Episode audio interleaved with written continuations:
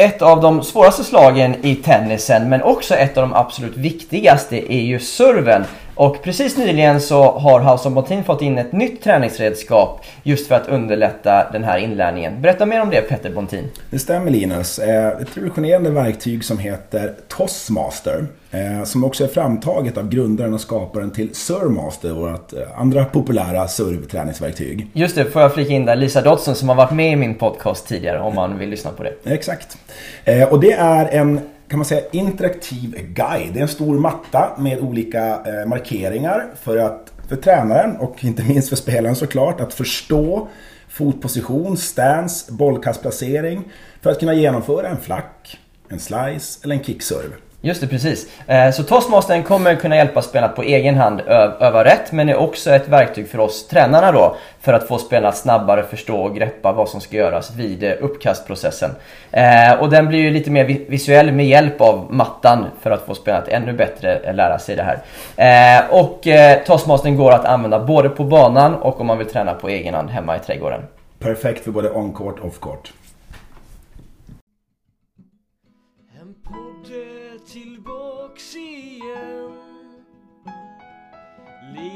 Linus på baslinjen. Ja, han är tillbaka igen. Linus på baslinjen. Ja, nej men alltså jag tror att en av de viktigaste grejerna för svensk tennis att det inte har gått, det är att vi spelar alldeles för mycket tennis inomhus. Eh, och det spelar ingen roll om vi spelar ute på grus eller hardcourt. Det tycker jag inte. Men eh, som regel när jag var på college, ja. då var det, vi spelar inte under 5 grader. Det var det. Då, är det, är det, är det 5 grader eller mer, då, då tränar vi. Ja. Tänk, testa det. det då tror du gör...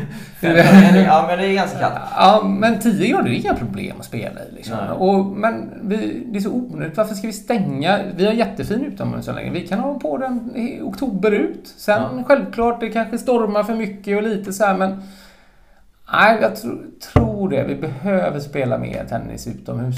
Ja. Och då menar du att det är inte det viktiga? För ibland säger man att man måste spela mer på grus. Men det menar inte du då? Eh, nej, inte, absolut inte. Jag kan gärna köra första passen efter vintern kör jag gärna hardcourt för det är nästan första, det är för svårt i början med gruset. Så att ja. det blir lite lättare att komma in i det på hardcourt. Jag är ja. uppväxt ute i hardcourt så mm. det absolut, och jag hade inget konstigt att spela på grus. Men eh, sen att jag föredrar grus, det, det är inte det. Men jag, jag, jag föredrar att spela, alltså Ja, jag fattar inte varför man måste ha grusbanor. Jag, liksom, hela, hela resten, av, jag tror 70% eller 80% av alla tennisbanor i världen utomhus är ju hardcourtbanor.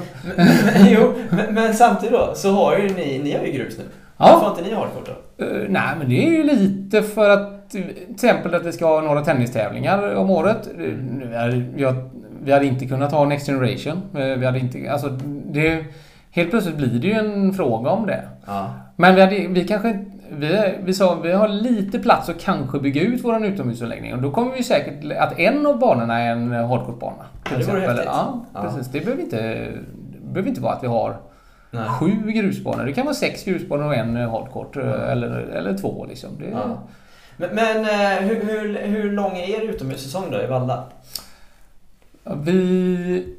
Ja, alltså vi säger att vi definitivt från första april till sista september. Okay. Det, sen ibland blir det svårt. Vi har ingen belysning på banorna. Så det blir lite svårt med vissa. De, för det är ju framförallt de som tävlar mycket. Ja. Och de kanske tränar lite senare. Så i oktober, så vårt problem där blir ju att det, det är för mörkt ja. att spela. Men ni börjar höstterminen utomhus med en del av Ja, hela, alla täv som tävlingsspelare de kör ute okay. absolut ja. hela tiden. Ja, är, och lite då, då, vi försöker träning, tävlingsplaneringen är ju att, att vi spelar inga inomhustävlingar förrän i, så, höstlovet typ. Ja. Det, det, är då vi börjar spela inomhustävlingar. Ja. ja det, det, tycker jag är bra. Jag kan ju personligen tycka att det hade varit nice om alla klubbar, eller till och med det kom direktiv från förbundet att så här, men vi sanktionerar inga tävlingar inomhus under hade september till exempel. lysande. Ja, för då hade ju alla, då hade ju liksom den stressen försvunnit Ja. för många. Ja. Eh, för jag tror också det är bra att tävla utomhus. Eh, för de som ska tävla i tennis Ja. då. Liksom. Eh, men, men om någon... Om liksom, Och sen är ju då alla, jag ska säga hur, jag vet inte, vi har ju inget, men det är alldeles för många inomhushallar som har alldeles för snabbt underlag. Det, det är ju underlaget spelar man ju inte på om man ska bli proffs. Det är ju liksom, då är det ju Mm. det, så jag menar, jämför att spela den ena House of Good to Greats. Där är det ju nästan lika långsamt som att spela på en grusbana inomhus. Mm. Och, men jämför det med många hallar som har... Sen så är det ju bollen bara glider liksom. Det, Ja. Då tränar vi inte på att spela tennis. Vi tränar inte i hjärnverksamheten. Kanske snabbare fotarbete, man blir jävligt aktiv. Ja. Eh, Det kan jag sakna lite. Jag hade tyckt det var kul om vi hade några filtbanor också som man kunde spela en gång i veckan på för att träna det här jätteintensiva fotarbetet. Men det taktiska försvinner lite. Ja, så, så precis. Det ju. Ja. Eh, ja, nej, men mer tennis ute tror jag eh, svensk tennis hade varit bra. Mm.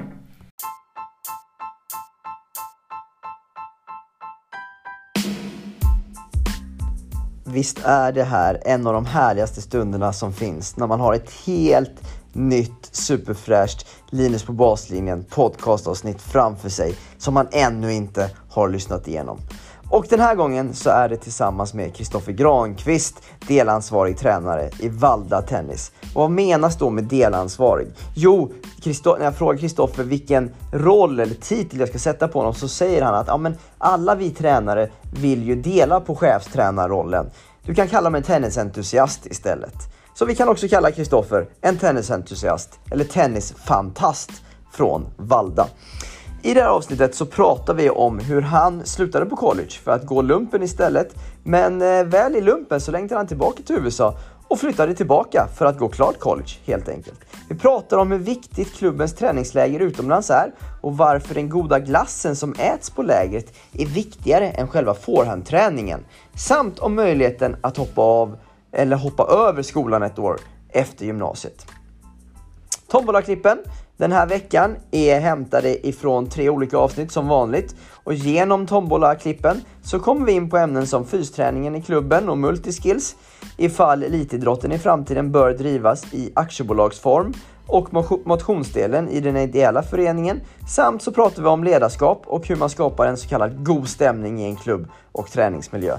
Plus givetvis en himla massa andra ämnen. Ett härligt samtal med eh, Kristoffer. Så vi kör igång. Kristoffer Granqvist, välkommen. Då sitter jag här med Kristoffer Granqvist framför mig. Välkommen till podcasten. Tack så mycket Linus. Kristoffer, kan du börja med att berätta lite om din eh, bakgrund inom tennisen? Eh, liksom hur du, du själv spelade, hur du kom in på tränarrollen, eh, lite sådär. Mm. Jag började spela tennis i Valla Tennisklubb när jag var 4-5 år. Med, inte med tränare utan man gick bort till den lediga banan i området med min mamma som aldrig har spelat tennis. Nej. Eh, och jag är en extrem sportnörd så jag spelade alla idrotter. Jag, det, jag har spelat fotboll, tennis, hockey, innebandy. Jag spelade länge allting. Jag vägrade. Mamma och pappa har aldrig pushat mig så jag... Jag ville inte sluta med något. Okej. Jag tyckte det var... Det kanske var dåligt för min tenniskarriär för jag satsade inte tillräckligt hårt. Men eh, ja, det var det jag ville. Ja.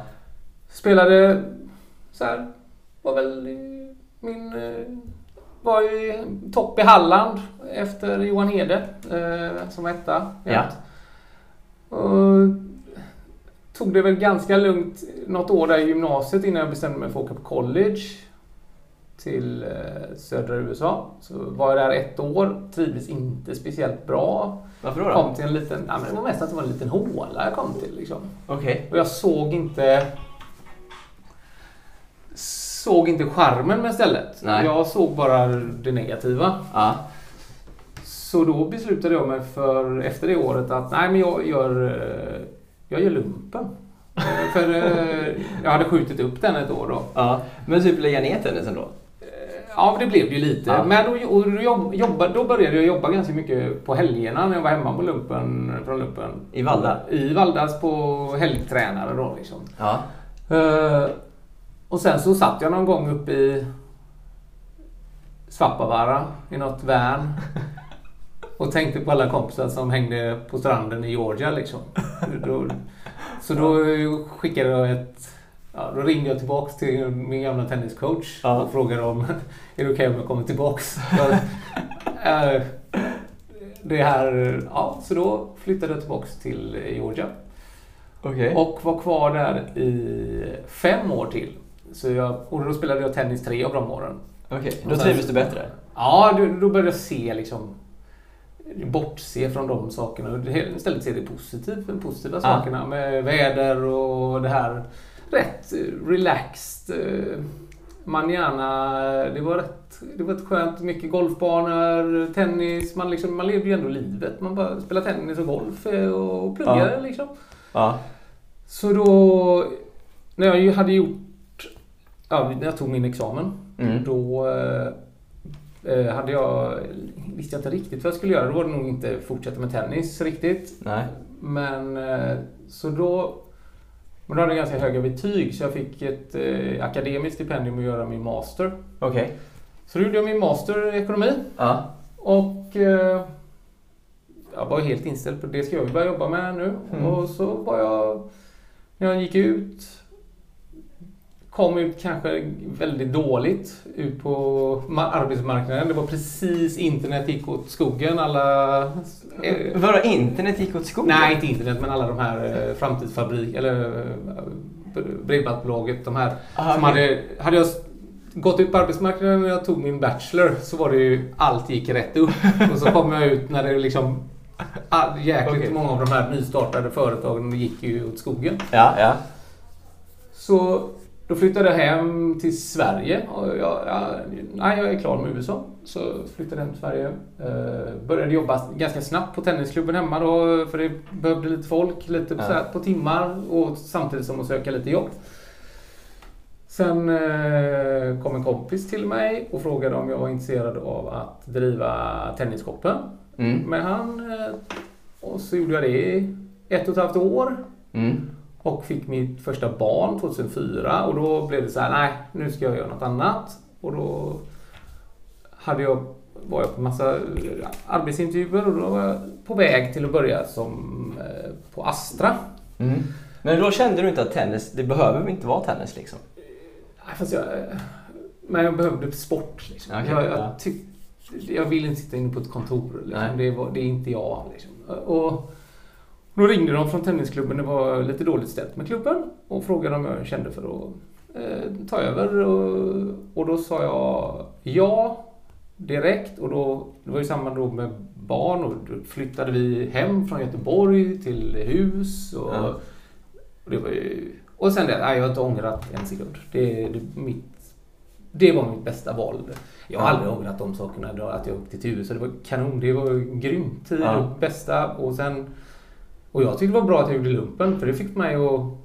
Men gjorde du klart lumpen? Ja. Så jag, jag, men just att... Alltså mycket disciplinsaker. Jag tror aldrig jag kommit för sent efter jag gjorde lumpen. Liksom första gången, det var först, efter två veckor i lumpen tror jag jag kom för sent med en minut och då fick jag hugga ved i fyra timmar. Som straff. Sen dess har jag aldrig kommit för sent. ja, jag är med, jag är med. Du, du sa att du kom in i Valda när det var lite, lite illa ställt med klubben. Ja. Eh, hur, hur, kan du berätta lite kortfattat om den resan Valda har gjort som klubb sedan dess? För nu känns det som att Valda mår väldigt bra. eh, som, Ja, som det är en stadig klubb liksom. Vi kämpar ju på vårt fortfarande liksom. Men vi... jag Beslut... Då var jag ganska själv först från allra första men jag, sen så direkt tog jag in Linus Ask direkt bredvid och en kille som heter Daniel Lasper som jobbar i Stockholm nu. Eh, Och han hade precis slutat gymnasiet så han var som en liten tredje kille som var bra att ha. Och Mm. vi, ja, men vi beslutade nog göra, liksom, försöka förbättra en sak varje år. Okej. Vi har inte råd att göra tio grejer och bara revolutionera allt. Då Nej. hade det, rörde nog. Men vi försökte liksom. Vi började... Ja, vi, Vad kan det vara för saker? Ja, men rev bort filtmattan och gjorde en hardcore-bana. Vi, Sen har vi lagt om taket. Vi har ny belysning. Det var liksom Ja. en liten ugn. Omklädningsrum är nya. Sen 2010 då rasade ju hallen bredvid. Ja, Inte det. våran hall men... Nej. Så då hade vi ju jäkla strul. Men det, det blev en bra grej för oss. Det, blev, Ja. det, var, det var egentligen en jättepositiv grej för oss. För att då byggde kommunen upp idrottshallen bredvid med en separat ingång. För innan Ja. gick de in genom tennishallen. Ja. Och det var så jäkla slitage på våran anläggning då. Ja, jag För förstår. Det är liksom skolungdomar som ja, skiter i anläggningen liksom. Vi har ju, och sen, dess, ja, sen dess har vi aldrig egentligen haft klotter ens en gång. Nej. Vi har inte haft en grej. Nej, men. Så då... Och verksamhetsmässigt då? För Ja. nu tog du upp liksom Ja. hallen i sig. Eh, Nej men alltså... Försök... Vi fick, hade en bra grupp redan från början som var jäkligt intresserade i tennis och sen så har det gått i... Som det oftast gör i alla klubbar tycker jag. Man, varje årskull har man inte jättebra. Men det kommer och så är det två lite sämre årskullar så kommer Mm. det några nya. Mm. Och så fick vi nog ganska bra renommé om att fastän vi bryr oss om eleverna. Mm. Det, det, det är det jag brinner för mest. Liksom, att det, det är inte jag i fokus. Det, det, det ska handla om dem. Det ska Mm. inte handla om mig. Jag Nej. har inget eget intresse av att springa runt. Det är liksom, Ja. jag är lycklig om de är lyckliga. Det, Ja. är inte, det, det tycker jag. Det är hela mig liksom. Va- vad vill Valla vara för klubb nu då? Liksom är det en eh, elitfostrande klubb? Är det en så kallad breddklubb? Eh, vad... Jag tror det är svårt att sätta oss i det, det faktiskt. Jag tror det är jätte... vi, vi vill nog vara någon form av allting. Eh, och jag hoppas att det kanske går på ett sätt. Tror du att det går? Ja, Jag vill att det ska gå. Jo, men det, men det är en helt annan sak. Nej, jo, men jag tror det går. Om man gör det, det kanske krävs att man är en till anställd eller något, eller något sånt där att, för att det ska gå på helt eh, perfekt. Men jag, jag tycker vi har lite den grejen på väg. Liksom. Mm. Jag tycker det. Vi, vi behöver inte ha uppspel bland barnen utan de får eh, liksom, de är välkomna och sen så har vi varit ganska tydliga med att vi, till exempel, vi har inga sådana uttalade utvecklingsgrupp utan det, det flyts in i det. Okej. Du, du, du får inte spela mer än två gånger i veckan om du inte är tävlingsspelare. Okej. Eh, Det, det är ut, liksom, men det är inte så, så att vi skriver upp alla namn på alla de som är... För det tycker jag mest har blivit, när vi har gjort den formen, tycker jag det mest har blivit tjafs mellan. Ja. Att inte, och vissa kanske tycker då att vi inte är tydliga, Ja. men vi tycker att det skapar faktiskt harmoni bland barnen Ja, istället. Eh, Och som jag sa, det är de som är Mm. fokus liksom. Det, för några år sedan vet jag att ni, ehm, ni förde en diskussion om att eh, få tillhöra Tennis Göteborg. Ni tillhör ju fortfarande... Nej, Ni, är? Tennis Göteborg? Ah, Okej, då är det jag som har bommat den. Ni, ni, ni kommer Thomas. Walléns sista grej han gjorde innan, innan han eh, slutade. Okej, okay, då var det jag som var dåligt påläst där. Eh, hur, hur har det liksom påverkat er då? Har det blivit en positiv förändring? Ja, absolut. Mm. Eh, alltså, samtidigt så är det... Det är, det är ganska få personer i klubben som det gör någon förändring för. Det är ju bara tävlingsspelarna det gör någon förändring egentligen. Kanske är tränare också? Eller Ja, lite, trä, lite tränare. Men vi var ändå, fick ändå vara med i Tennis Göteborgs möten okej. och sånt innan. Ja. Eh, vi kan vara med i deras seriespel eh, för juniorer. Eh, men det har ändå... Ja, helt plötsligt har vi, vi har arrangerat Next Generation Göteborg. Liksom. Vi, vi har haft... Liksom, att vi har ju steppat in och försökt göra... Eftersom det finns ganska få utomhusbanor i Göteborgsområdet. Mm. Så vi har ju en anläggning som kan ta hand om det. Då. Ja. Och de har haft lite läger hos oss och Ja. grejer. Så för oss, det känns absolut inte något... Det är ju inte dåligt mot syd, men det kändes som vi var så malplacerade. Ni låg så långt Ja, eh, ja. iväg från regionen. Ja. Mm. Det, Det är en stor region. ja. Det kändes konstigt att skicka iväg, i dagens miljötänk, Ja. skicka iväg två elever till Karlskrona. När de kan ta bussen till Mölndal istället. Liksom. Det, är, det är helt... eh, Ja, jag hör det. Ja, det, det, det, det blir jättekonstigt. Ja, så, Ja, men men, det var- känns bra. Det, det känns, och vi har ju, har ju mer gemensamt med alla. Vi, Kungsbacka är ju Storgöteborg. Liksom. Det Just det. I all, nästan alla andra idrotter så är ju de, i, de klubbarna Precis. med i... Men, men Kungsbacka tillhör fortfarande Syd. Kungsbacka Tennisklubb. Uh, Kungsbacka Tennisklubb tillhör eh, Syd. Ja, precis. Men Särö Tennisklubb tillhör Göteborg. Eh, Det är lite så roligt det är ändå. tre, tre klubbar i kommunen. Ja. Och två... Men Kungsbacka har ju inte försökt så det kan inte... Nej, det får ju de svara på. Det får ju de Men svara det är lite, lite rolig situation i det där Ja, det... Kristoffer, vi ska lyssna på tre ljudklipp här Ja. eh, som vi ska diskutera efterhand. Eh, så jag spelar upp det första för dig här nu. Ja, men så fort jag eh, liksom började göra framgångar så blev jag skadad. Ja, okej. Okej. Så den, den här smarta fysiska träningen, Mm. eh, systematiska, den fanns inte riktigt när, i, i min tonår.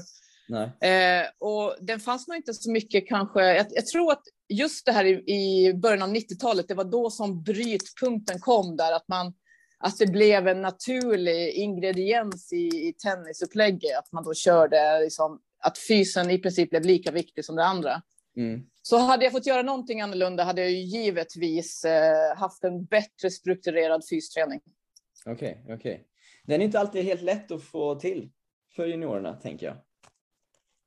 Eller? Nej, men eh, nej, precis. Och speciellt inte idag då när eh, det här klassiska med spontanidrotten blir mindre och mindre och skolidrotten blir mindre och mindre. Men då Ja. får man ju se till att man gör det på tennisbanan. Det är inte det optimala, men, men eh, vi kör ju liksom de första 12 minuterna för de yngsta Ja. är ju ren liksom, koordinations och snabbhetsträning med vändningar och sånt. Och det är liksom, vi tummar inte på det.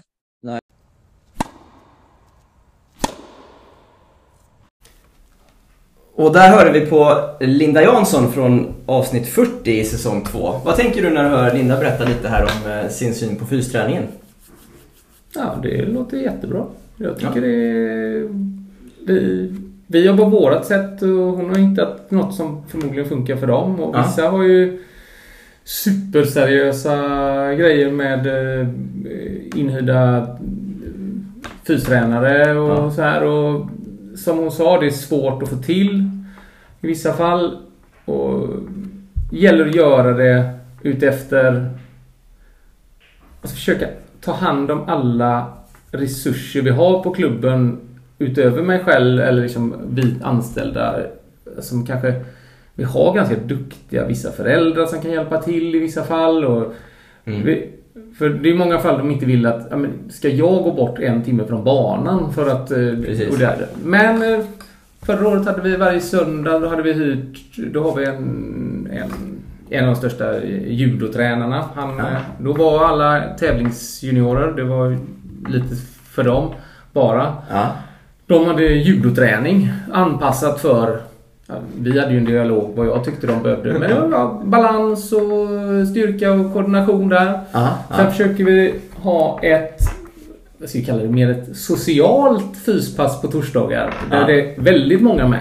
Där vi Okej. är liksom 25-30 stycken. Ja. Och då är det allt från, du har ju varit med på ett av de passen med mig. eh, i Ja, det har aerobics, Ja, just det. eh, Då. Men det är koordination, styrka, allting liksom. Ja, Fullt... eh, Ja, det, det, det är ju... Ja.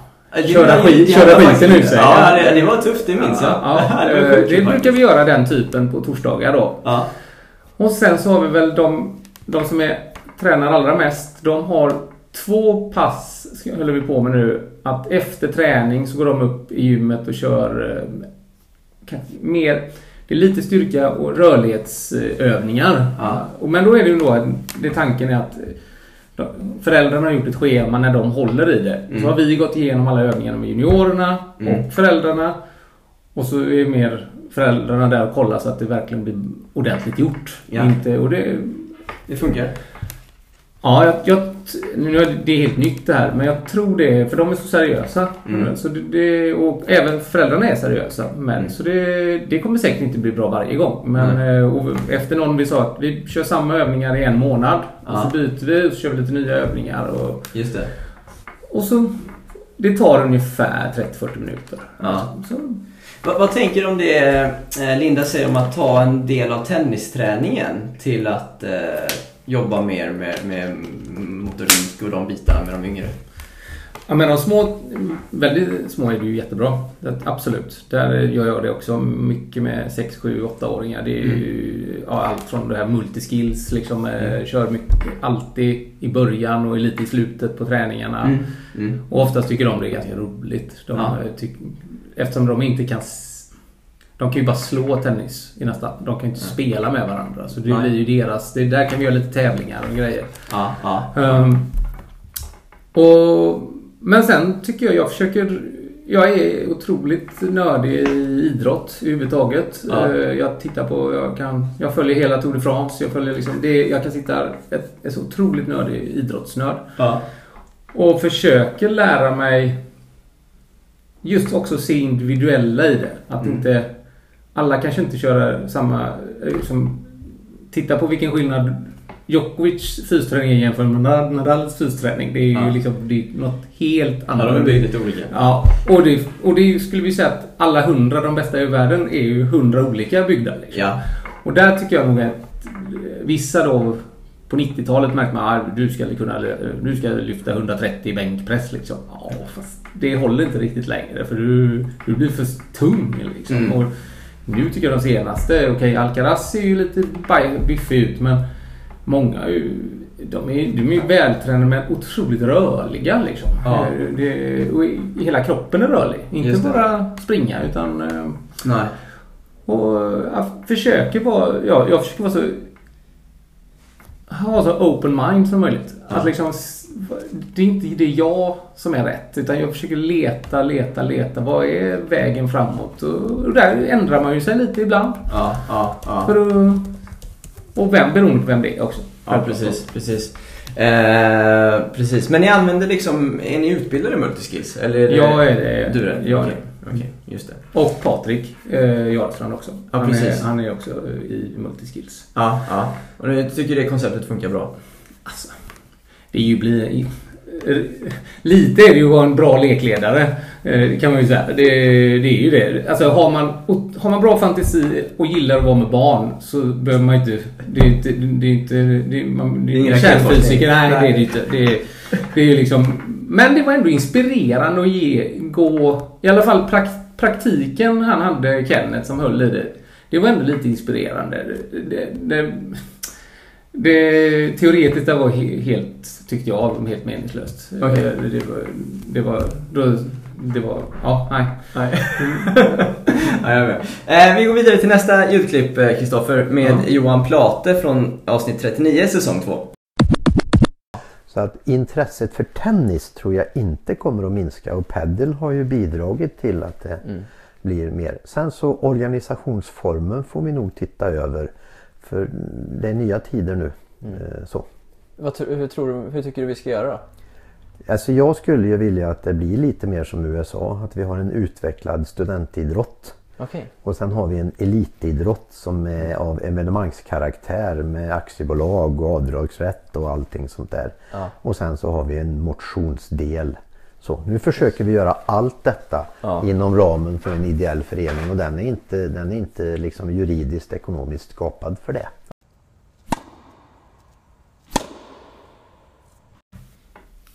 Okej Kristoffer, vad tänker du här? Helt fantastiskt. Det, det är så det ska vara.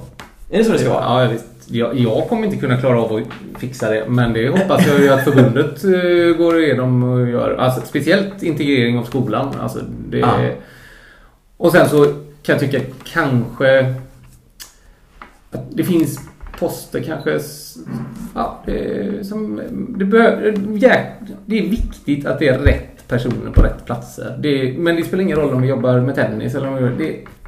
Det är det absolut viktigaste som finns. Jag, det är ungefär som när jag bokar en snickare hemma. Ja. Alltså, det, han som äger firman är jättebra men så kommer det någon annan hem. Och det, Som inte är lika som bra. inte är lika bra. Det är samma när du går, åh den tennisklubben är så bra. Men är, den tennisklubben är inte lika bra. Eller den är lika bra som den tränaren du får. Ja, så är det. Så ja, det är exakt. liksom, det, Ja, men så är det verkligen. Ja, ja. Och det är ju timtränare, anställda Ja, tränare, ja. vad det än är. Och den, det är inget som säger att den anställde är bättre än timtränaren. För det är så mycket som har med bara rent engagemang att göra tycker jag. Ja. Det, jag, jag tycker i 90 fall av fallen, 90% av fallen så, så slår engagemang kvalitet. Mm. Eh, Alltså det, det finns så många som kan mycket fast skiter i vad de gör. Mm. Mm. Och det... Så är det nog oavsett nivå. Då blir du ju aldrig... Då inspirerar du ju inte... Du ska ju vara... Du är lärare. Du ska ju vara en inspiratör till dina elever. Ja. Liksom. Du... Eh, och det... Det var som min mamma sa, när hon hon var helt säker på att jag skulle bli lärare. Aha. Och, Men det är ju på sätt och vis. Ja, Ja, precis. Och, och jag alltid hade tennistävlingar. Det, jag började arrangera tennistävlingar när jag var 10-11 år. Hockeycuper, det var liksom på gatan. Det var jag som arrangerade allt. Liksom. Mm. Och det vill jag ju ta vara på för jag älskar det. Att Ja. eh, bry mig om att det blir, alla har det kul och spelar och blir bättre. Det är Ja. ju det roligaste som finns. Spelar ingen roll nivå. Någon, man ser den glöden i ögat när någon lyckas. Det är Ja. så... Det, det är bättre än någonting annat. Det är mycket bättre än att lyckas själv tycker jag. Men menar du då att det kanske inte alltid är rätt person på rätt eh, plats nu då? Absolut. Absolut. Eh, Tänker du liksom på eh, förbundet då? Alltså jag är lite för dåligt insatt på sådär men jag tycker det är, tycker ganska ofta jag träffar. Jag vet massa som är superduktiga och superinspirerande och Ja. ödmjuka men det är många som är inte ödmjuka inför uppgiften och inte lyssnar på de andra. Nej. Utan ja, jag kör mitt och så skiter det vad alla andra säger liksom. Ja. Och, och tror bara att det finns det här. Och, Mm. och det är ju bra, då får man ju den här utstakade vägen på ett sätt. Men det är inte så mitt ledarskap ser ut. Jag, jag vill få in intryck hela tiden. Mm. Och utvecklas. Jag tror, har jag den så utvecklas jag aldrig. Då kan jag bara, då är det bara Ja, den vägen. väg där. Ja. Ja. Jag vill ju liksom, jag vill bli bättre tennistränare imorgon än vad jag var igår. Mm. Det är hela tiden liksom. Och då måste man ta in eh, intryck Ja, och... ja, liksom, Då vill jag höra klipp som du visar Ja. eller liksom vad som ja. helst. Ja, ja, jag är helt med. Mm. Eh, Men du, du började med att säga att du tror det är viktigt att integrera skolan. Ja, absolut. Eh, Berätta lite mer om dina tankar där. Jo, men alltså skollagen är ju, den är ju horribel som den är för, för att satsa på en idrott. Det, det är ju, Ja. och nu, men det går ju och om man har bra dialog med rektorer och sådär. Men sen kanske din rektor inte Det blir Inte- persondrivet eller vad Ja, man säger. det så. Ja. Och jag vet min dotter som eh, pratar, hon är 14 och hennes, hennes mentor är gympaläraren. Ja. Och Så när jag frågar om att hon ska ha ledigt så hon, hon skriver ju på den innan. Innan du har frågat. Ja, precis. Det, och, Men någon det- annan är inte gympalärare Nej, och då får man inte det Nej, påskrivet. precis. Ja. Så, nej men det är nog ett... Vi förlorar ju så otroligt många träningstimmar jämfört med eh, många andra ställen i världen. Särskilt mellan sjuan och nian skulle jag tro. Där, eh, Mm. Precis. Sen kan jag ju säga att jag kan tycka... Vi har ju världens bästa skyddsnät i Sverige. Mm. Alltså... När du gått ut nian, du, du måste ju inte gå gymnasiet. Nej, exakt. Det, det, hur, om, om vi tar 100 bästa i världen, hur många av dem har gått gymnasiet? Ja, jag har ingen statistik på det. Men det är få. Ja, Det är och du kan ju också läsa på distans. Ja, för att precis. Få. Så efter, efter högstadiet så är det ditt eget val egentligen. Hur bra förutsättningar du det är ju inte, och om du hoppar av, du tar ett år och satsar verkligen. Mm. Det är ju inte så, så att nästa år, om du, nej men jag går tillbaka till skolan, att du inte får det. Nej, Utan då får du, du får ju bara gå med de ett år yngre liksom. Ja, det löser sig. Ja. Det, alltså det, jag tycker det är underligt att få, för, att det inte är så många som har gjort det. Att bara prova, att Mm. våga ta ett steg liksom. Att, eh, jag säger, man ångrar inte så ofta det man har gjort, men man ångrar det man inte har gjort. Ja, Testa så är det. Så Ja. det Och skolan kan du göra. Ja, det, och du kan gå om. Alltså hoppa, ta ett sabbatsår och det är kanske är bättre för din skolgång också att du är Mm. skoltrött och så vidare. Ja, ja, ja. Då gäller det ju att klubben kan backa upp det också och ge dig den mängden träning. Ja. Eh, självklart. Det det. kan ju inte alla klubbar kanske er, erbjuda. Ja, Eh, ja. eh, Att du har någon som bryr dig så mycket och eh, satsar så extremt. Det kan ju inte alla Nej, klubbar. nej. Vad, vad tänker du kring det eh, Johan Plate säger här om eh, liksom att driva elitidrotten i någon form av aktiebolag, eh, säger han ju där. Och, motion, eh, ja, och sen har vi motionsdelen som är ideella föreningar. Att det behöver splittas upp mera i framtiden. Ja, det, men det är väl på väg på ett sätt med fotbollsklubbar som är och sådär. Så det, det finns väl en liten form av det och akademiverksamheter som egentligen inte är klubbar. Men det är privat, ja precis. Ja, men... Jo, sen, men vi- sa ju du att ni ville vara allting också. Ja, fast vi kanske då hade varit allting, men vi kanske hade haft en del som hade varit en akademiverksamhet. Ja. Eh, Som eh, det skulle vi kunna potentiellt, om vi tar nästa steg då liksom att så kanske, alltså absolut, det hade jag inte varit främmande för att ja, men de här timmarna på klubben det är liksom, det är Mm. akademiverksamhet. Mm. Och, eh, och där behöver det inte bara våra, våra medlemmar eller våra elever utan där är det välkommet för andra då Precis. att- vara med. Ja. Och, och vi hade ju haft hade, vi hade haft möjlighet till exempel kanske då att ha det. Mm. Men då kanske då hade vi behövt anställa en till men då förhoppningsvis hade ju då ak- akademidelen kunnat betala den extra Så det, och jag tror det hade varit en bra synergi. Då kanske klubben hade kunnat använda den här extra anställda också några timmar. eh, Ja. Så det kanske hade varit en bra synergieffekt eh, att ha båda. Kanske blir så. Ja, alltså det hade varit... Jag hade nog hoppats att det hade kunnat göra något sånt. Ja. Men det kan, det, man får ju se om man hittar lite privata investerare i det och lite sådär. Att, eh, samtidigt vill man ju inte bara att det ska kosta Nej, hur det- mycket pengar frågan. Ja, ja. Mm. Ja, är lurigt. Vi tar sista klippet där vi ska lyssna på eh, Mats Willenhag. jag tror att när du börjar som tränare så försöker du hela tiden anpassa dig. Du vill du ser att de här föräldrarna vill att du ska vara hård. De här vill att du ska vara prata med barnen. De här vill att du inte ska skälla. Det här ska du skälla på och så vidare. Liksom. Och, och barnen är ju beroende på fo- fostran hemifrån. Helt, be- helt eh, påverkade av det, hur, hur, du uppträder. Ja. Så du gör ju ofta det. Du vet Mm. att de här barnen och föräldrarna står på läktaren, de, vill, ja, de ska, kanske ska skälla på. För då Mm. tycker de att det är bra att du markerar. Exakt. Men ju längre det går så går det inte att jobba så. Utan du är ju en person utifrån vad du har fostrats själv att vara. Jag Ja. kan ju aldrig liksom vara en person som, som skäller eller skriker eller något sånt där. För det är inte jag. Nej, Jag är, jag, jag är inte sån som person. nej. Jag Däremot förstår. får jag prata med dem och säga att jag tycker det här, där kan du göra si eller du kan göra så. Du ska inte liksom kanske kasta racket i skynket så jäkla hårt liksom. För nu, nu är det risk att eh, skynket går sönder. Det är inte så bra. Alltså, jag, jag blir inte arg. Jag kan inte bli liksom så arg på det viset. Sådär. Och då kan jag Okej. inte låtsas vara det heller. Jag kan inte vara en sån person. För att jag, många gånger skulle jag tycka att fan, nu, det här måste man ryta till. Liksom. Ja, ja. Men vadå, så du eh, liksom försöker ha en god stämning Ja. hela tiden? Mm.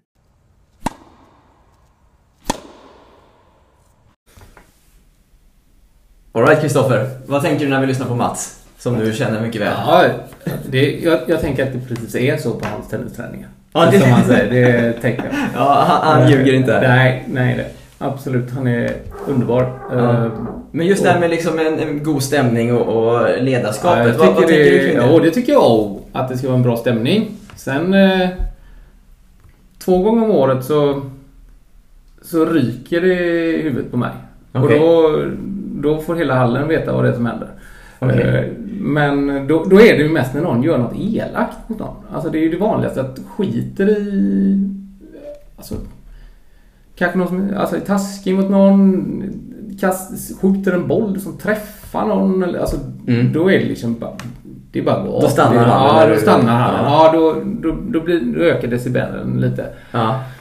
Eh, Är det viktigt att göra det någon gång ibland? För att ändå visa att jag Ja, kan men också jag, Jo, men jag bestämmer. Eh, Ja. Det tycker, jag tycker är viktigt ändå att det spelar ingen roll om det är mot föräldrar eller mot barn. Mm. Alltså det är viktigt att ni på vår klubb här nu, ni får anpassa er till våra regler. Mm. Det, det är väl lite då militär i vissa fall att man liksom, lite disciplin måste det vara. Och, men samtidigt så är det, det är klart att vi ska leka liksom också. Ja. Alltså, det, det är ju inte det. Vi ska, mest ska ju bara vara men de får inte gå...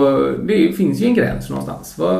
Och där, min gräns är där min är och någon Mm. annan är där den eh, har sin gräns. Men, Mm. eh, Och det vet ju inte jag vad som är rätt. Nej, egentligen. Men jag gillar inte när de är... När man märker att en elev förstör, för de förstör träningen för andra, är taskig mot någon, då, då tycker jag då, då är det läge att nej, Mm. det är inte okej. Och, men sen att någon Alltså att någon eh, råkar ka- liksom kasta racket någon gång. Det är, hellre att de kastar racket en gång än att de går och gnäller hela träningen. Ja, Det, och så kör på liksom. Det, Hur hur mycket anpassar du ditt ledarskap utifrån eh, vilka spelarna är och hur de är som personer? Eh, Ja, hälften då kan man väl säga. Ju mina värderingar. Ja. Eh, vad- alltså, där tycker jag ju... Men sen så tycker jag nog hälften av ledarskapet är individuellt. Mm. Eh, för vem ska man ta mjukt? Vem ska man ta lite hårdare? Vem behöver... ja. Och vem behöver prata mycket? Mm. Eh, Vem behöver bara sitta? Någon kanske man inte behöver... Vem behöver man pusha? Vem Mm. behöver man hålla tillbaka? Det, Mm. Men det är helt... Det tycker jag är helt individuellt eh, beroende på... Men då gäller det att lära känna dem ordentligt. Det är ju A och O liksom. Anpassar du det efter föräldrarnas önskan också? Ja, och inte önskan i hur ledarskapet ska vara. Det tror jag inte. Men självklart önskan hur mycket de ska spela tennis ibland. Att vill de att eh, mitt barn ska spela så mycket och vi tycker att ja, på gränsen, Mm. då, då kan vi ju gå med deras önskan. Men Mm. om det är någon som vill att de ska spela fem gånger i veckan och vi tycker att de borde spela en gång i veckan så då, då är det ju inte hållbart. Nej. Men inte ledarskapet tror jag inte. Det, det är klart att det finns föräldrar som har, alltså i dagens med alla, många barn som har diagnoser och sånt. Så Mm. Man får reda och då måste man ju anpassa det lite efter med Mm. de eleverna. Och det är ju bara bra om de föräldrarna kommer och har den dialogen med en så man vet det. Mm. Man, eh, så där får man ju kanske då lyssna på föräldrarna lite grann eh, då. Ja. Men man ska ändå fortfarande inte gå bort från sina värderingar. Att jag känner att jag jag Nej. gör något som inte jag tycker är rätt. Liksom. Det tycker jag. Har, har ni, tror du det är viktigt att hela tränarkåren i en klubb har ungefär samma värderingar? Eller kan det skilja sig åt där? Är det okej? Ja, det är nog helt okej. Jag tror det är bra. För vissa elever kanske det är bättre att gå till och träna lite mer. Vi spelar ganska ofta blockträning på Ja. flera banor. Eh, Då kanske de två, tre eleverna passar bättre med den tränaren lite mer. eh, Får Ja. bättre connection. Sen kanske vi har grundvärderingar samma. Mm. Fast vi kanske vi får, får ut dem på olika sätt. Mm. Eh, Mm. Det, sen värderingen är, tror jag vi är ganska lika med. Liksom. Mm. Det, det, vi har ganska öppen dialog jämt, där vi tre som jobbar där hela tiden. Att vi, vi tycker ungefär lika liksom, med Ja. de flesta saker. Ja. Så, eh, Det, det känns ju utifrån, eh, det vet jag att fler håller med mig om, att det, det är en så jäkla god stämning i Valla. Är, är det en så god stämning i klubben? ja, det Och vad, vad är nycklarna till att ni har fått det dit? En- Liksom? En jättestor... eh, Alltså, mycket är det här tror jag att vi... Ja, värdering att de, eh, och att kidsen behandlar varandra väl. Ja. Eh, eh, har, har haft bra dialog med alla föräldrar. Eh, och vi, varje år åker vi på ett stort läger. För i år var vi en 40 personer. År, sen var det paus, coronan. Då märkte man direkt lite sämre. Var det så? Ja, men året innan var vi 70 pers på läger nere i Mallis och då är det alla barn och föräldrar åker med. Ja. Eh, alla barnen bor hos sina föräldrar i rummen och sen så men vi käkar lunch och middag tillsammans jämt. Och då alla barnen tillsammans och alla vuxna tillsammans. Och alla vuxna får chansen att sitta bredvid mig Mm. middagen eller bredvid någon annan tränare. Och Ja. Liksom, och, och liksom ventilera. Det, oftast är det ju bara, in, kanske inte om tennis, men Nej. lära känna hur... Ja. Och de bör ju förstå vilka vi är. Ja, att vi är ju där för vi vill så, de- deras barns väl så Mm. mycket som möjligt. Mm. Och kidsen, där blir också alla... De blir väldigt likställda med varandra. Den som är Mm. bäst, sämst, det spelar ingen roll. Vi bor på all inclusive. Alla får äta lika många glassar. Det är Ja. inte en som har mer pengar eller mindre pengar. Det är liksom... Just De det. blir... De, och de hänger små och stora. Ja. De springer runt och leker hela dagarna liksom. Så du menar att de lägren har varit viktiga för sammanhållningen i jätte, klubben? då? jätteviktiga. Och, och vi har satt upp stora då, collage i klubben som alla som kommer från andra klubbar. Att, åh, titta på de här. Från lägren? Ja, från lägren. Och det är ju ofta då de här yngre som inte har fått åka på lägren. De står ju liksom och Åh, när får jag åka på detta liksom? Ja. Och, eh, det är ju... Det, det är otrolig goodwill. Vi, det, vi, går inte, vi tjänar inget på lägren. På inte en krona plus. Men vi tjänar ofattbart mycket goodwill. Det var våran Ja, tanke bakom det. ja just Och det är inget elitläger heller. Vi, vi brukar säga... Vi spelar ett två timmars pass på, på förmiddagen, morgonen. Mm. Och sen så är de fria hela dagen. Och sen spelar vi matcher på kvällen. Okej. Vi, vi har ingen fysträning direkt för de, de bara leker i poolen och de Ja. springer runt och gör volter där liksom. Ja, Och då, säger, och då kanske man säger, ja men det är inte bättre att, ja fast när vi ändå åker till Kroatien, Mallorca eller något. Det, skulle det vara det att vi ska göra hela tiden, då kan vi lika åka till Värnamo istället. Det, då behöver vi inte... Det, det finns liksom ingen anledning att åka till, till... Om inte de ska få hänga i poolen och äta glass liksom. Då, då, då, då, det är ju det... Nästa år kan ni testa att åka till Värnamo. Ja, ja, men liksom, de måste ju få... Det, liksom, när vi kommer hem från ett läger så pratar ju inte de om forehandträningen på måndagen. Utan det är ju om den här goda glassen som fanns. Liksom. Det är ju Ja, ja. det liksom, som eh, de Ja. kommer... Det, och det skapar en otrolig gemenskap. Det har, har vi märkt. Det, har- det har varit super, super bra. Ja, ja. Häftigt alltså. Eh, vi ska ta lite frågor som jag ställer till de flesta gästerna. Eh, plus några andra också. Mm. Eh, vad är svensk tennis största styrka?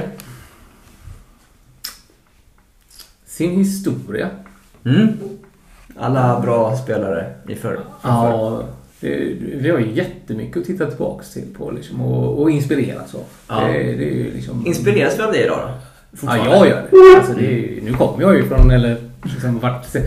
Men jag hoppas ju att de... eh, Ja men vi tränare kan i alla fall göra det. Vi Ja. är lite äldre så vi kan, kommer ihåg lite av de här grejerna i alla fall. Och nu har vi inte haft så mycket jätte- superstars sen Söderling egentligen. Mikael Ymer ju... Men han har ju inte kommit till den extrema stjärnstatus då. Nej.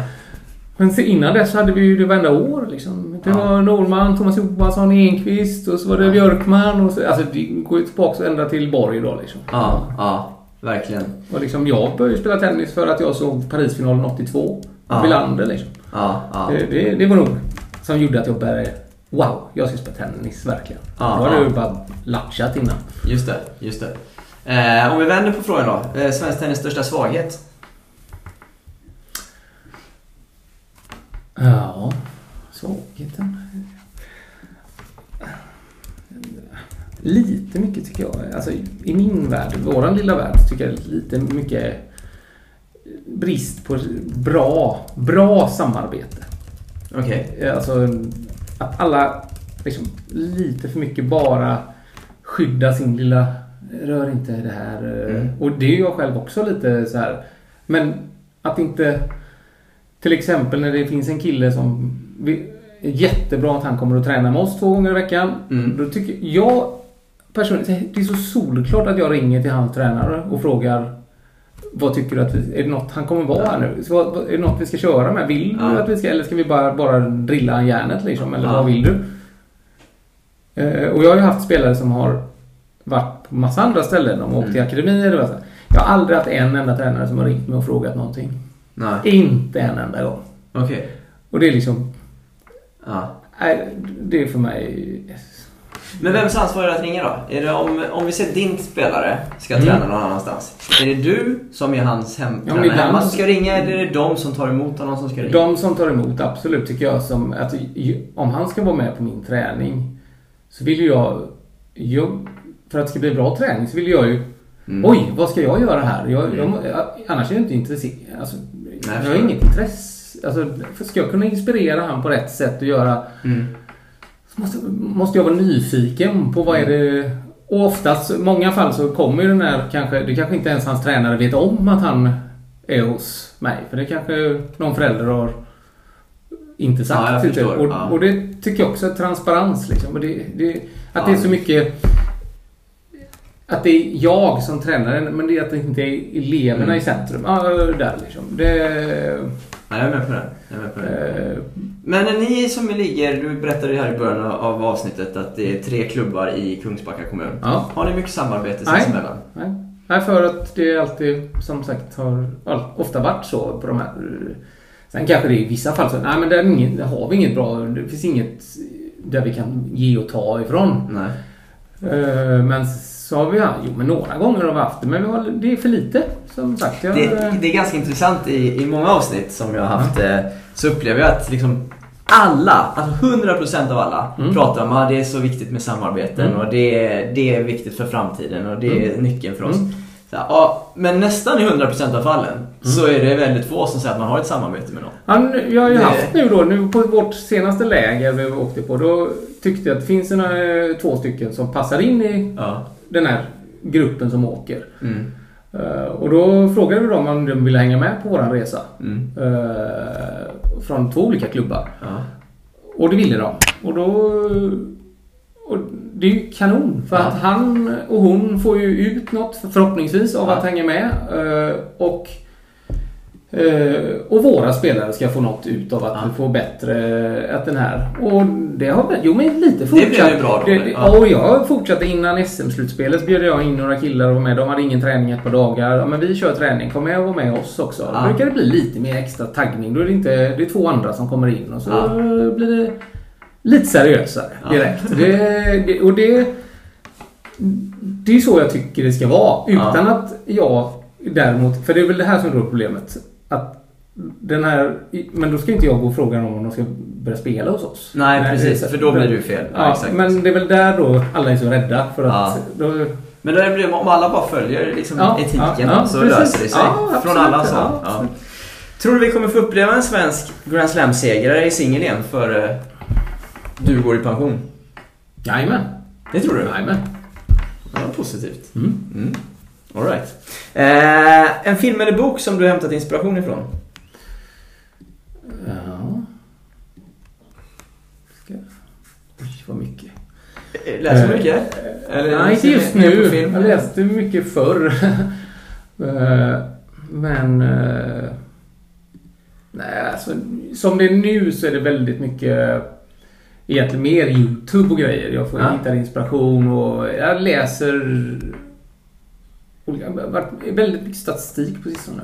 Väldigt mycket, Men vad, Tennisstatistik? Ja, det, och även alltså, i eh, skadeförebyggande träning och sånt här Okej. som jag liksom Ja. nördat in mig på nu. Eh, Så det är det som just nu kommer upp. Att jag Ja. liksom, det är jag väldigt inspirerad av nu. Eh, Okej. Sen tycker jag att nej, jag, jag har nog inspirerats mer av gamla ledare till mig. Ja, Att vi- försöka vara en...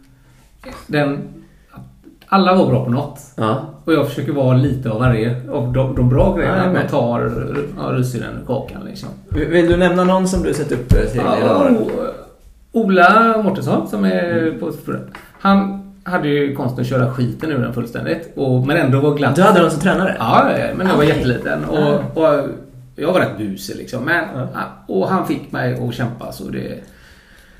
Men sen kanske han inte var bra på några andra grejer då. Ja, ja, Så ja. hade jag ju sen då Kent Wikberg.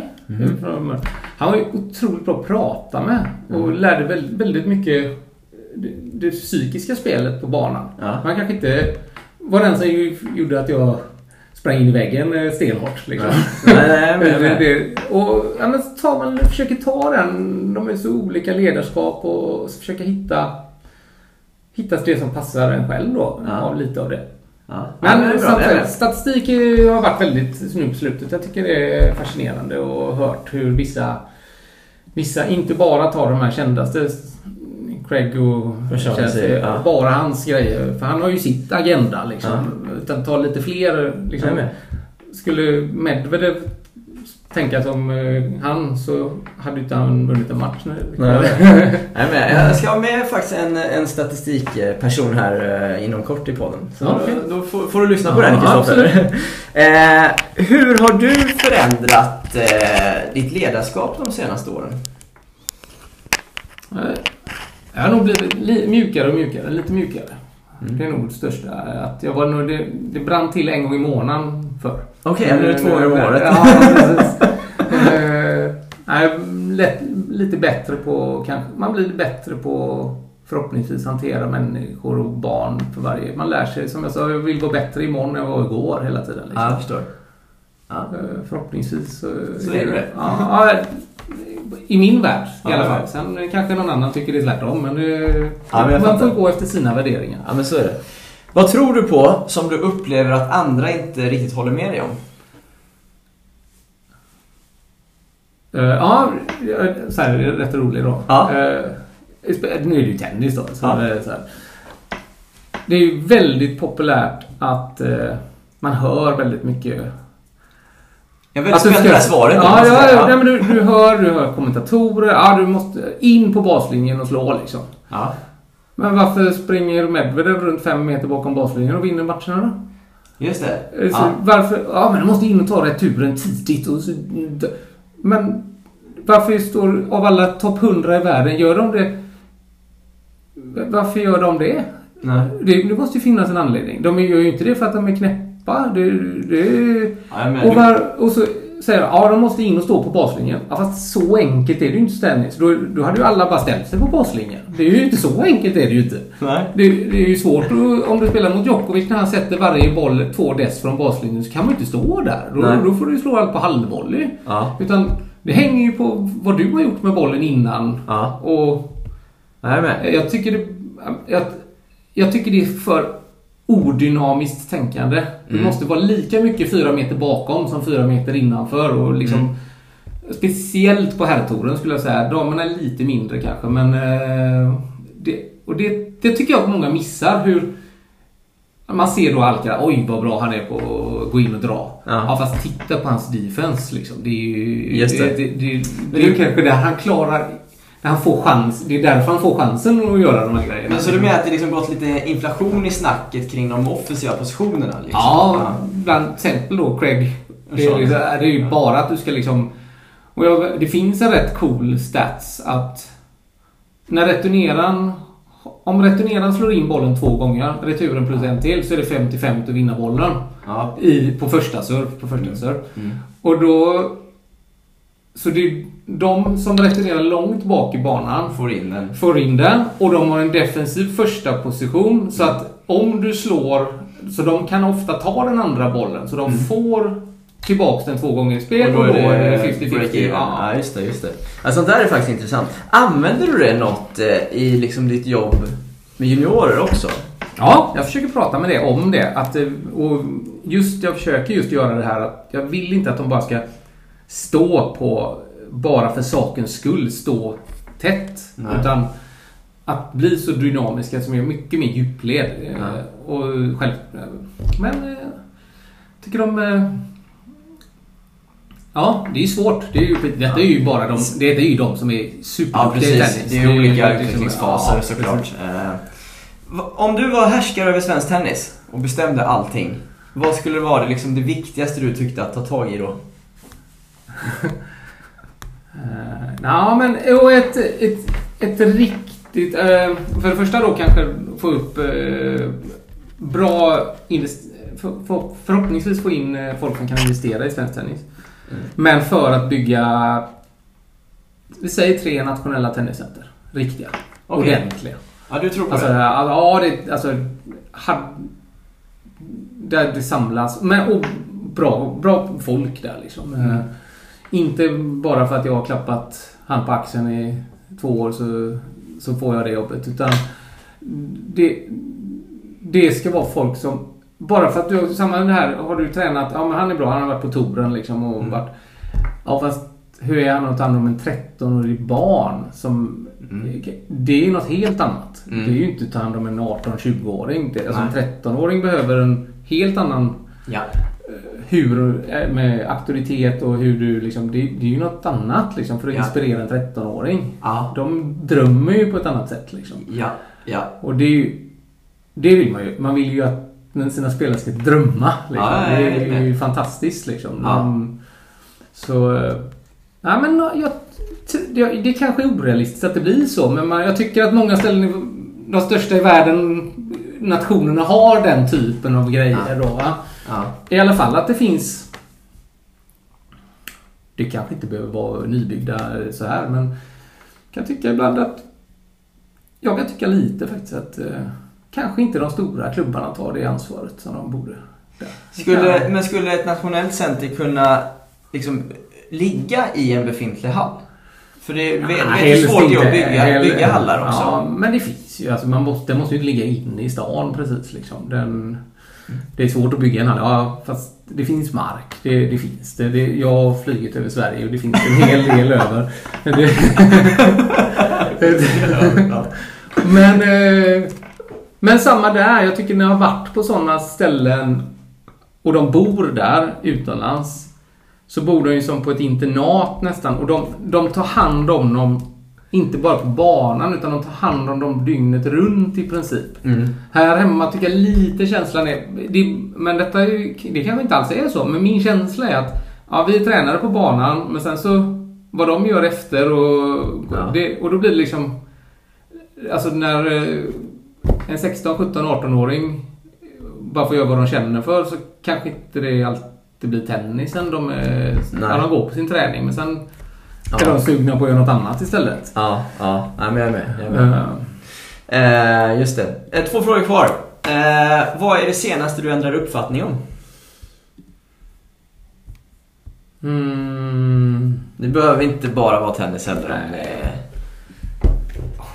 det här det är ju supersvårt. För Ja, det är det- svårt. jag ändrar ju uppfattning om saker som jag säger. Jag försöker vara så öppen så jag ändrar ju om uppfattning om saker hela tiden. Ja. Eh, Då får du droppa någonting. Ja, eh, vi kör... eh, Nej men det är lite inom fysträning där med liksom muskeluppbyggnad och kontra rörlighet då. Liksom. Ja. Att jag kanske, kanske innan varit lite mer fokus har varit på att bygga muskler och nu kanske jag är lite mer åt att, de, att det ska bli så bra rörlighet i musklerna som möjligt istället. Mm. Okej. Eh, Det kanske... Ja. Mm. Det är bra. Det är bra. Det köper vi. Slutligen då. Vill du rekommendera någonting? Ja, massor. Nej, ha, ha, alltså fasen. Att, att inspirera någon annan människa till att göra grejer, det är det bästa som finns. Du liksom rekommenderar att jag ser mer lycka att någon annan blir lycklig än Mm. när jag själv blir nästan. Då blir jag som lyckligast. Okej. Alltså det, att se glädje i någon an, att andra människor lyckas istället för att vara egoistisk och bara bry sig om sig själv. Det, Mm. det tycker jag... Få den känslan, det är underbart. Ja. Bra slutord eh, Kristoffer. Eh, tack så jättemycket för att du var med eh, och delade med dig av dina tankar här. Stort tack själv.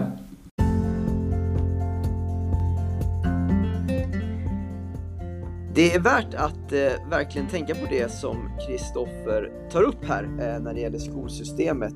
Att eh, efter högstadiet, då är det faktiskt upp till var och en eh, hur liksom mycket man vill satsa på sin tennis. Man kan ta ett år off från skolan och verkligen ge den här en chans. Man kan plugga distans, man kan hoppa av helt och hållet. Men precis som Kristoffer förklarar väldigt bra tycker jag att man kan alltid ta ett år och ge den en chans och sen börja igen. Högstadiet finns det regler och lagar för i Sverige. Man, man får till exempel inte läsa distans om man är skriven i Sverige. Om jag förstått det rätt så kan man göra det om man är skriven utomlands. Men efter högstadiet, då finns det ju inga, inga undanflykter ifall man verkligen vill ge tennisen en ärlig chans. Inte att glömma. Något jag däremot glömde berätta eh, under samtalet var att klippet med Mats Willenhag kommer ifrån avsnitt 33 av säsong 2. Vi hörs eh, snart igen gänget. Tack för att ni lyssnade på det här avsnittet.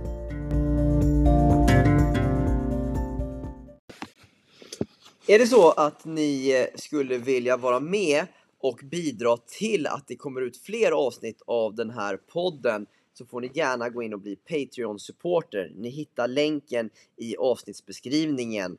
Om ni blir det så får ni också chansen att ställa egna frågor till gästerna i och med att ni hamnar på en mejllista, om ni vill, där ni får information om kommande intervjuinspelningar och då kan skicka in egna frågor till de gästerna som väntar. Så gå in i avsnittsbeskrivningen, kolla efter länken där och bli supporter till den här podden.